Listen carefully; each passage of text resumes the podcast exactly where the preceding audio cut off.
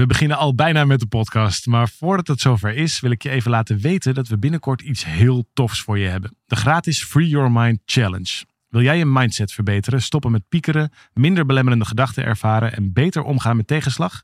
Schrijf je dan in voor deze challenge via www.365dagensuccesvol.nl slash challenge. Het is van 26 mei tot en met 29 mei en ik heb er heel veel zin in. We beginnen nu met de podcast.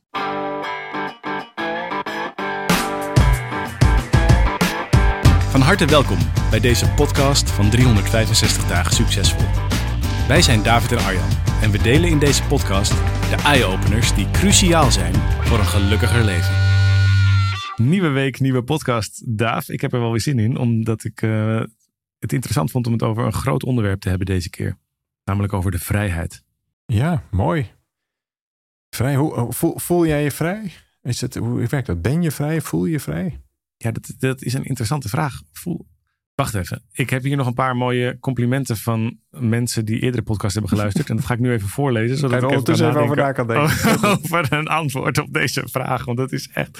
Ik had niet gedacht dat je hem zo meteen in mijn gezichtje zou stellen. Deze grote vraag. Voel ik me vrij? Dat is echt een, is echt een moeilijke vraag. Oké. Ehm, want wat is vrijheid nou precies en wanneer ben je vrij? Gaan we het zo meteen over hebben. Even kijken wat we voor superleuke reacties hebben gekregen van andere mensen. Uh, dankjewel aan iedereen die op onze sociale media in de 365 Academy of, op, um, uh, of via de e-mail, via podcast.365dagensuccesvol.nl um, ehm, heeft gereageerd. Leuk, we hebben veel reacties gekregen op de podcast over hoe het zit met de mening van een ander. Moet je daar nou altijd wat mee? Wat als je de neiging hebt om dat steeds maar over te nemen? Daar hebben we een gesprek met elkaar over gevoerd. En daar hebben we heel veel hele leuke, blije reacties op gekregen. Want Julika die zegt bijvoorbeeld briljant, uitroepteken. Het gevoel dat je weggemaakt kan worden, dat komt ontzettend bij me binnen. Deze ga ik nog eens een keer beluisteren. Echt heel mooi en heel rustgevend. Ik hoef me niet te verdedigen. Nou, mooi. Als je het hebt over vrijheid, dan is dat misschien ook meteen een mooi uitgangspunt. Ik hoef me niet te verdedigen. Um, Mira die zegt: Wauw, ik vind dit een hele waardevolle, diepgaande info. Misschien had ik dit even nodig om het zo belicht te zien. Ik vind jullie een match made in heaven. Hoe jullie een onderwerp zo samen kunnen behandelen. Kijk eens aan, David. Die hebben we ook mee in de pocket. Toch? Een match made in heaven. uh, Sandra, die is het er helemaal niet mee eens. Nee hoor, dat herken ik helemaal niet. Ik heb altijd mijn eigen mening. Heb ik ook altijd al geuit. En daarom ben ik misschien ook wel die eenling. Nou, grappig, interessant ook dat dat vervolgens als conclusie er achteraan, uh, achteraan volgt. Dus interessant. Um, even kijken. Hier zegt Marieke die zegt: Oh, wat leuk om een inkijkje te krijgen in jullie eigen geschiedenis. Naar, aanleiding van de podcast over wat meer informatie over onszelf en onze achtergrond. En Eline die zegt: Oh, wat superleuk om jullie dit te horen vertellen. En ook alle gedachten die daarin voorbij kwamen. Mooi. En als, als laatste nog even hier Suzanne, die nog reageert op de podcast over dat ze iets minder wil twijfelen en meer intuïtie wil volgen. Die zegt: Wat een enorme eye-opener. Niet besluiten is een besluit met te veel paden en uitkomsten als alle scenario's nog open liggen. En hopelijk gaat dit idee helpen door me te herinneren wanneer ik wat te besluiten heb. Nou, mooi. Tof als het. Uh, het is altijd leuk als we niet alleen een fijn gesprek hebben, maar als het ook nog wat mensen helpt. Toch, Dave? Zeker. Ja, hartstikke leuk. Nee, uiteindelijk maken we het daar natuurlijk voor. Buiten dat het natuurlijk heel leuk is om het te maken, gelukkig. Ik weet niet of ik mezelf altijd zo vrij voel. Nee, dat verbaast me dat je dat, dat je dat zegt. Volgens mij is vrijheid een van jouw. Is niet de belangrijkste kernwaarde ook?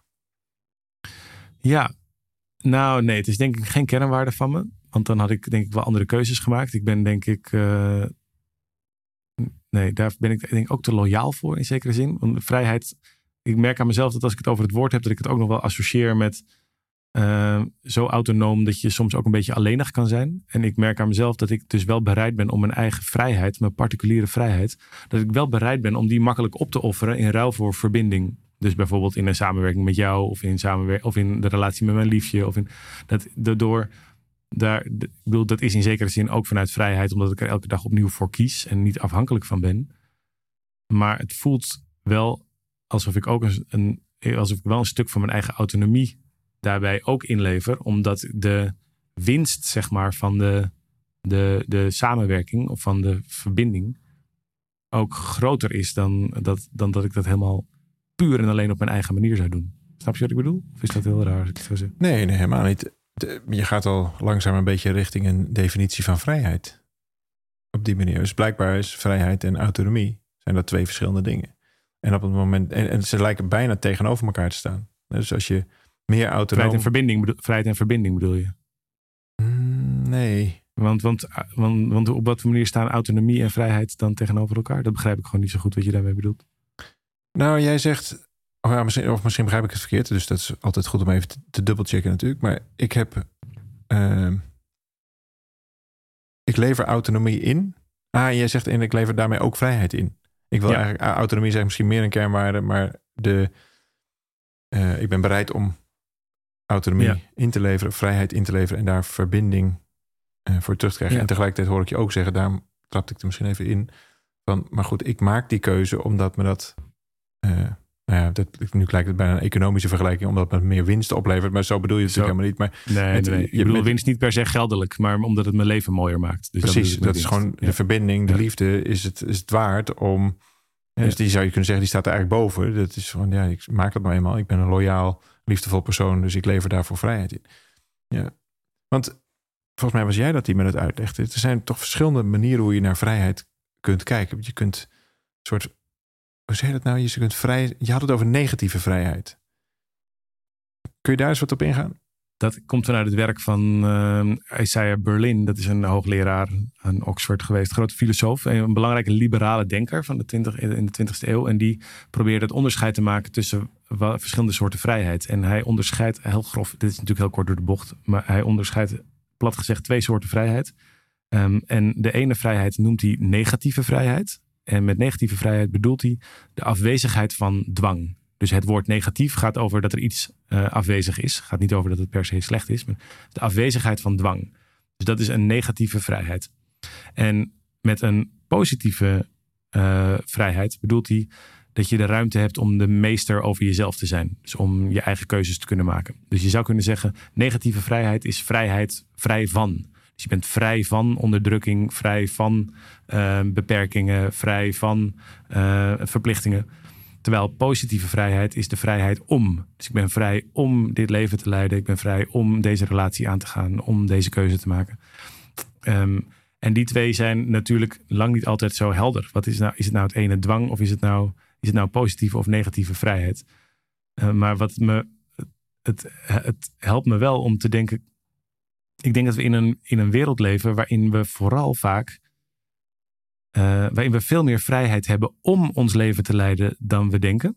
Alleen dat we heel vaak nog de schuld geven of de, de bliksemafleiding zoeken in dat we nog denken dat het negatieve vrijheid is. Dus dat we nog eerst nog het nodig hebben om vrij te zijn van iets.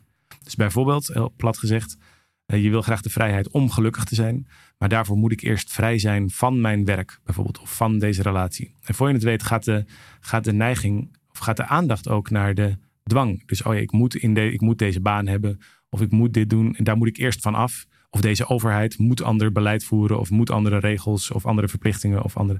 En dan pas kan ik vrij zijn.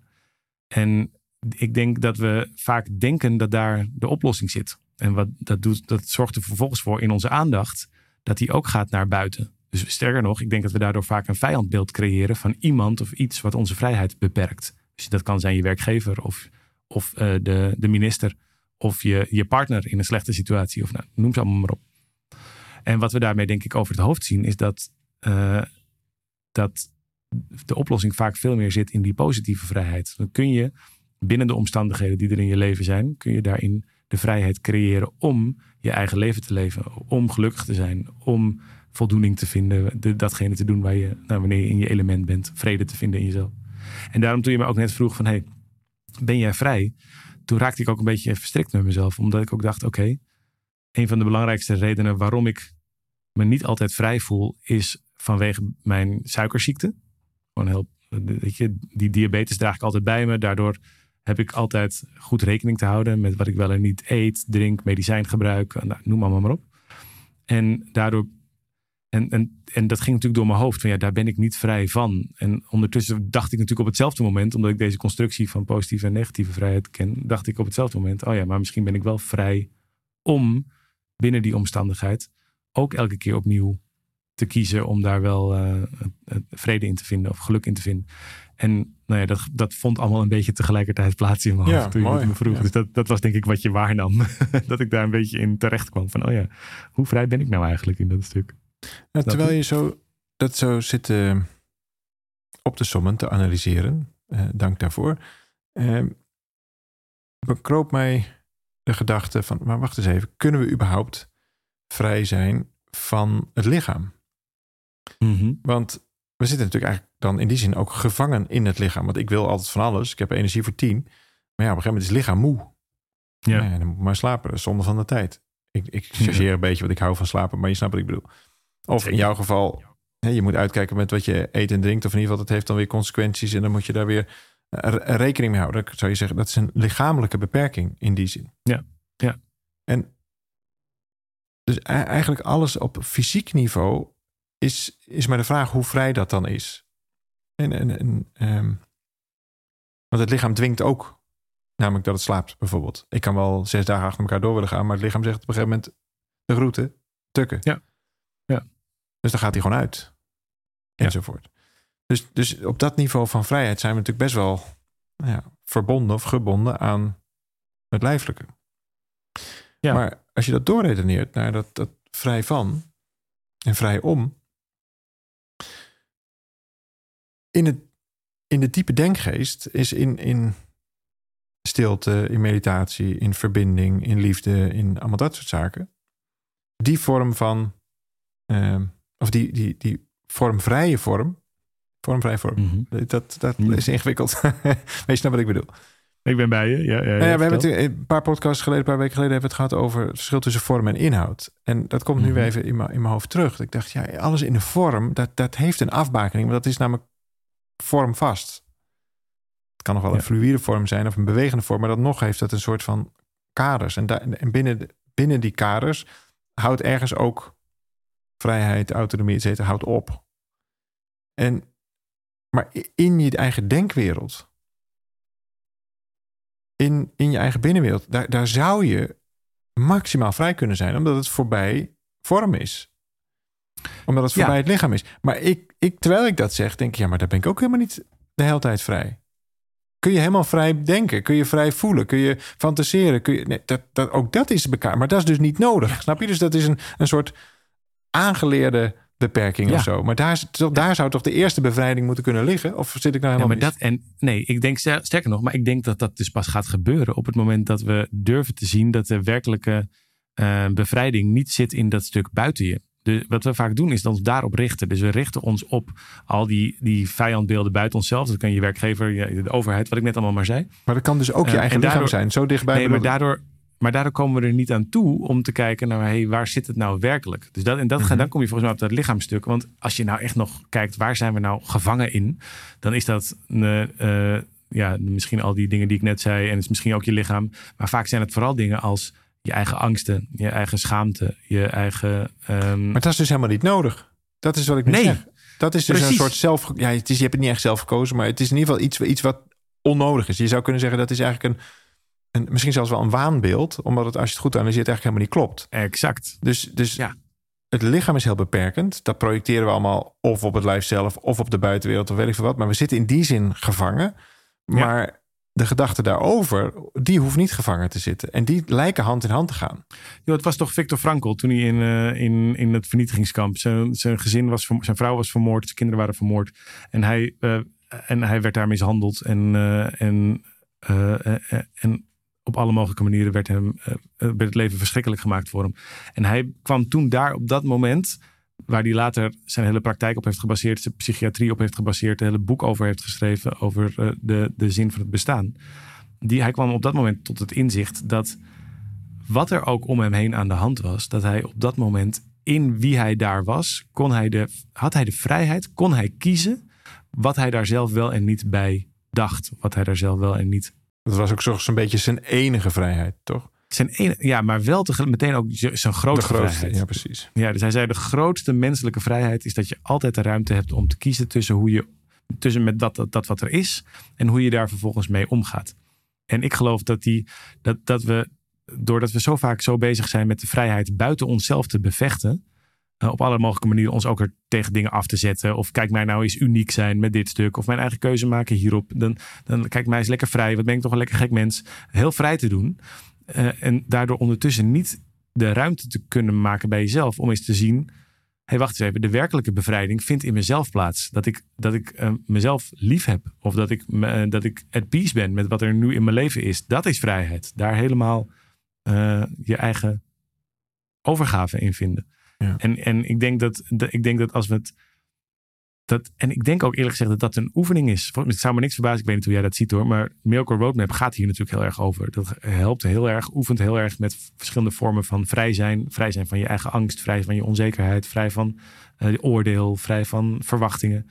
En ik denk ook dat, dat dit een pad is wat wij ook zelf lopen. Dus dat is ook iets is wat we samen aan het onderzoeken zijn. Van hé, wacht even, wat betekent dat eigenlijk voor ons, die vrijheid? En hoe ver kun je daarmee nou ja, ik voel me een stuk vrijer dan tien jaar geleden of dan vijf jaar geleden.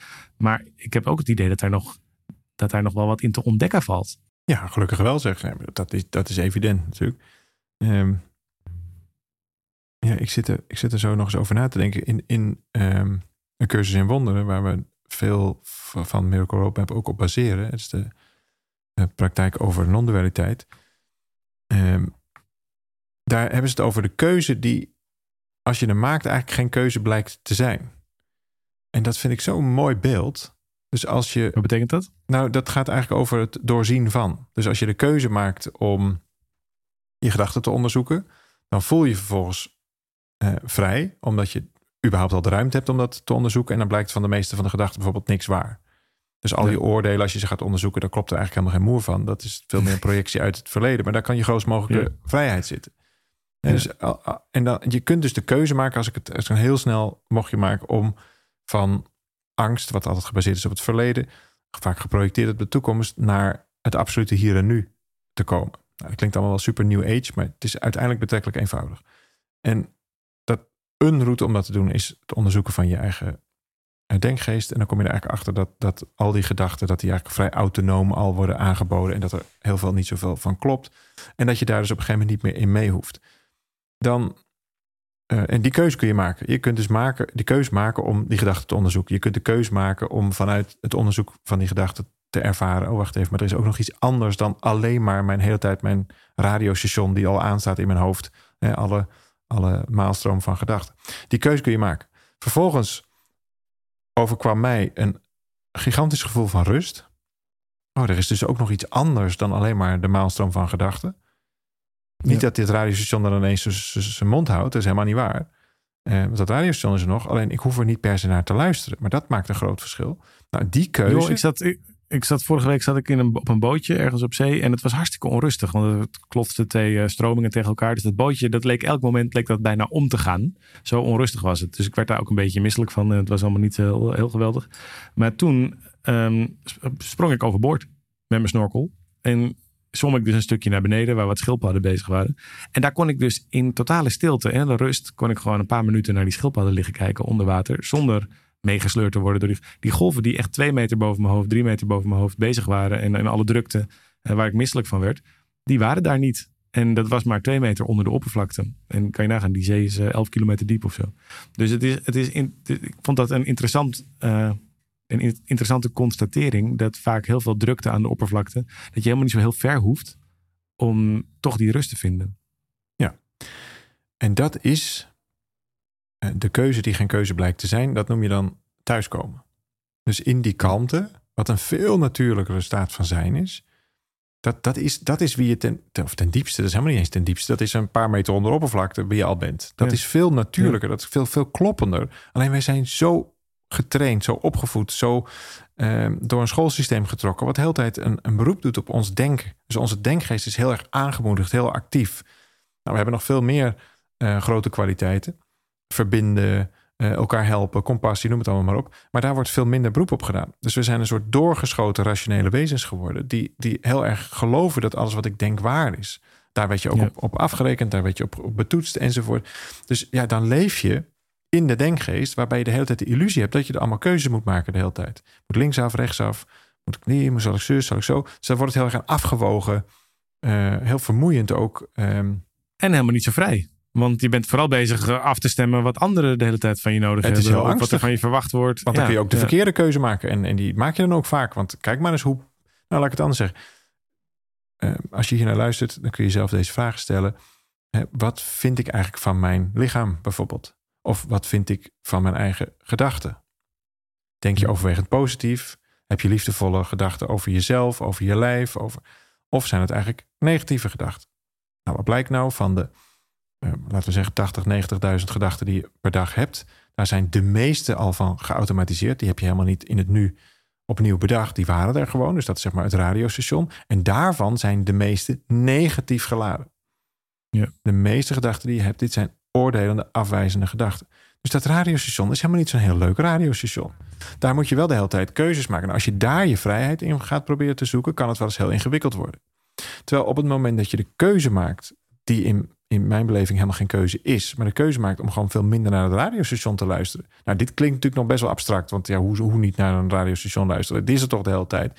Ja, dat Ja. was dan weer zo'n signaal van het radiostation. Maar er is ook niet radiostation. En dat is, dat is een mooie metafoor. Die paar meter onder de oppervlakte tussen de schildpadden in de stilte. Dat, daar zit misschien wel je grootst mogelijke bevrijding. Want die is namelijk voorbij, eh, voorbij de vorm.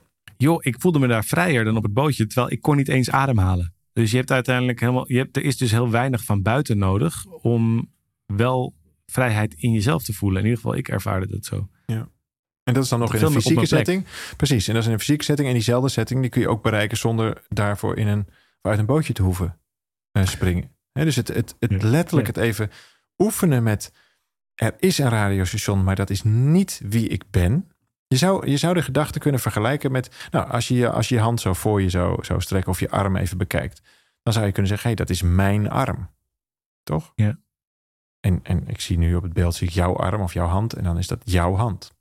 Ja. Maar op het moment dat ik naar buiten loop en dan wijs ik mijn auto aan, dan, en, en ik weet het, nou, je hebt ook een, een nieuwe auto al gekocht, daar hebben we het al uitgebreid over gehad. Want eh, als je dan weer in Nederland bent, heb je weer een prachtige nieuwe bolide. En daar hebben we uitgebreid over, eh, hele slechte grappen over gemaakt. Dus dat was hartstikke leuk. Zeker. En, en dat is dan jouw auto. Wat is het verschil tussen jouw arm, jouw auto en mijn arm, mijn auto? Dat het dingen buiten jezelf zijn. Dus zelfs je arm, dat zie je als, als, als een soort bezit. Maar er is dus wel iets wat dat bezit. Ja. Net zoals dat je je auto kan bezitten, kun je blijkbaar ook jouw arm bezitten. Dus er is, snap je? En, nou, dan gaat het dus over, wie is dan de eigenaar van die arm of van de auto? Dat is dus niet de arm zelf, apparently.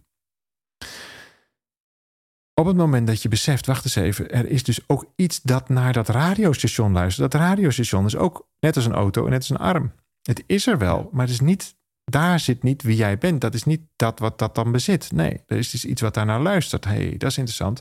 Als ik die keuze maak om, om meer verbinding te maken met hey, wie luistert daar dan naar, dan kom je in een compleet nieuwe setting terecht. Nou, dit is waar Miracle Roadmap over gaat. Dit is waar, waar, waar onze laatste jaren eh, van onze studie eh, aangeweid is. En ja, ik vind dat dus een keuze die geen keuze blijkt te zijn. Als je die keuze maakt, dan is dat zo natuurlijk. Dat is helemaal geen keuze. Dat is, dat is eigenlijk waar, waar ik in ieder geval mijn hele leven zo'n beetje naar onderweg was. Ja, en daar, erva- daar ervaar ik op dat moment heel veel vrijheid. Maar, na- Vrijheid, ja. maar natuurlijk gaat af en toe dat radiostation zo hard aan. Of is dat de ene liedje op de radio waardoor ik wel moet luisteren enzovoort. En dan, ja, dan ben ik weer even in, eh, in, in verbinding met, met, met, met die denkgeest. Dat gebeurt natuurlijk de hele tijd. Kijk, wat ik, wat ik heel goed van mijn kinderen heb geleerd, is dat er een verschil zit tussen iets horen en ergens naar luisteren. En je kunt volgens mij heel goed. Doen alsof naar Ze horen me namelijk echt wel als ik vraag of ze even willen opruimen, maar ze luisteren niet. Maar dat is wel interessant, want je kunt prima, als dit moeilijk is, dit is ook fucking moeilijk, dit is ook hartstikke moeilijk. Je kunt best nog wel je radiostation een tijdje horen. Maar ernaar luisteren betekent dat je het ook actief consumeert. Of dat je Ja. vindt dat je wat ermee moet. Dat je het dat serieus dat er neemt. Ja. dat je het serieus neemt, dat er, dat er een, een gedrag, gedrag achter moet volgen. En ik denk dat de oplossing zit in. Dat kan al heel, een hele grote stap zijn. Door het wel te horen. Het hoeft niet weg. Je krijgt het misschien niet eens weg, die gedachten. Want het is Mhm. zo geprogrammeerd. Dat hoor je al je hele leven. Dus je hoort het wel. Maar je hoeft er niet per se wat mee. En daar zit denk ik. Dan, gaat, dan is het de vrijheid om in ieder moment van de dag opnieuw te, te, de, de behoefte te voelen. Bij jezelf te, diep te voelen. Wat, heb ik, wat is er nu goed voor mij? Wat is er goed voor de mensen om me heen? En daar een keuze op te kunnen maken. Zonder dat je maar de hele tijd geleefd wordt. Of de hele tijd in gevecht moet om jezelf maar te bevrijden van van alles en nog wat wat er buiten je komt. En als je echt kunt luisteren naar je. Want onder dat radiostation, dat is namelijk wel. Daar zit ook nog een ander stemmetje onder. Daar zit altijd nog een stemmetje onder. Wat dat is heel zachtjes, wat fluistert. Maar wat je wel vertelt. ehm, wat je wel het goede vertelt. Waar, waar, je wel, waar wel ook de stem zit. Wat je, de stem van je dromen. Je, intuï- je, meer eh, je intuïtie, of sommigen noemen het stem Ja. van de ziel of zoiets dergelijks. De Of wat het ook maar is. Ja, mooi. Ja. En die, zit er, die is er ook. Die is Mooi, er ook. mooi, en die kun je ook horen. Die kun je ook horen. En dat, ik denk dat als je gaat, nou, goed gaat luisteren. Waar luister ik wel naar? Waar luister Gewoon een ander radiostation. Ja. Oude ja. wijn en nieuwe Ja, zakken. nou, ja, nou ja, een hele nieuwe wijn. Joh, als je dat stemmetje nooit eerder gehoord, niet echt hebt kunnen luisteren, dan verandert dat je leven, denk ik. Iemand vroeg mij laatst, wat is dan miracle? Wat is dan het wonder in Miracle Rob? En wat bedoel je daar dan mee? En ik moest daar ook even over nadenken, maar ik kom nu denk ik tot een iets beter begrip van wat ik daar dan eh, op zou had kunnen antwoorden. Namelijk dit, dat je, dus de keuze die geen keuze blijkt te zijn, dat, dat is eigenlijk je natuurlijke staat van zijn. Dus het, het, het is dus niet een wonder van, wauw, nu ineens lukt alles. Of kijk, nu alsof iemand met een toverstafje heeft gezwaaid en nu zijn allemaal problemen. Nee, het wonder is eigenlijk terug naar je natuurlijke staat van zijn. Dus dat lijkt een enorm groot wonder, maar het is eigenlijk volstrekt normaal. Je hoeft daar dus Ja. ook niks voor aan te leren. Nee.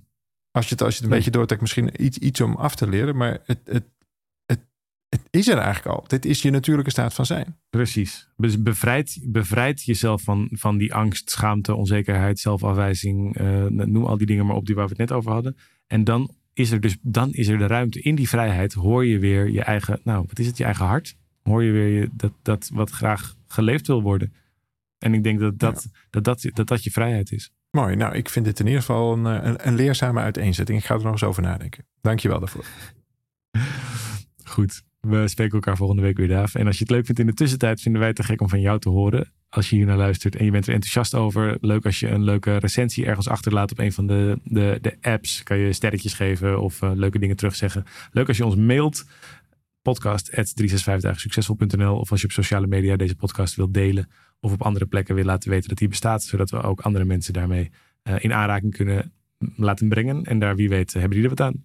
Dan eh, zijn we allemaal weer blij. En is er misschien weer meer vrijheid in de wereld. Precies. Ik hoorde in een andere podcast waar ik wel eens naar luister, dat als je een review achterlaat, alleen als je een vijf sterren review achterlaat, anders moet je het vooral niet doen. Maar als je een vijf sterren review achterlaat, dat het eh, enorm helpt om dit verhaal eh, groter te maken. Want dan komen we namelijk meer voor in, als voor, worden we voorgesteld als te beluisteren podcast bij anderen. Nou, moet je Ah, maar kijken. Maar als je het ook echt vijf sterren waard vindt, laat dan iets aardigs achter. Lezen wij het misschien hier weer voor in de podcast, ook leuk. Eh, maar dan wordt het dus ook meer aangeboden bij anderen. Kijk maar, maar het zou ons in ieder geval enorm helpen. Want zo maken we samen van Nederland het gelukkigste land van de wereld. Tot volgende week. Ciao.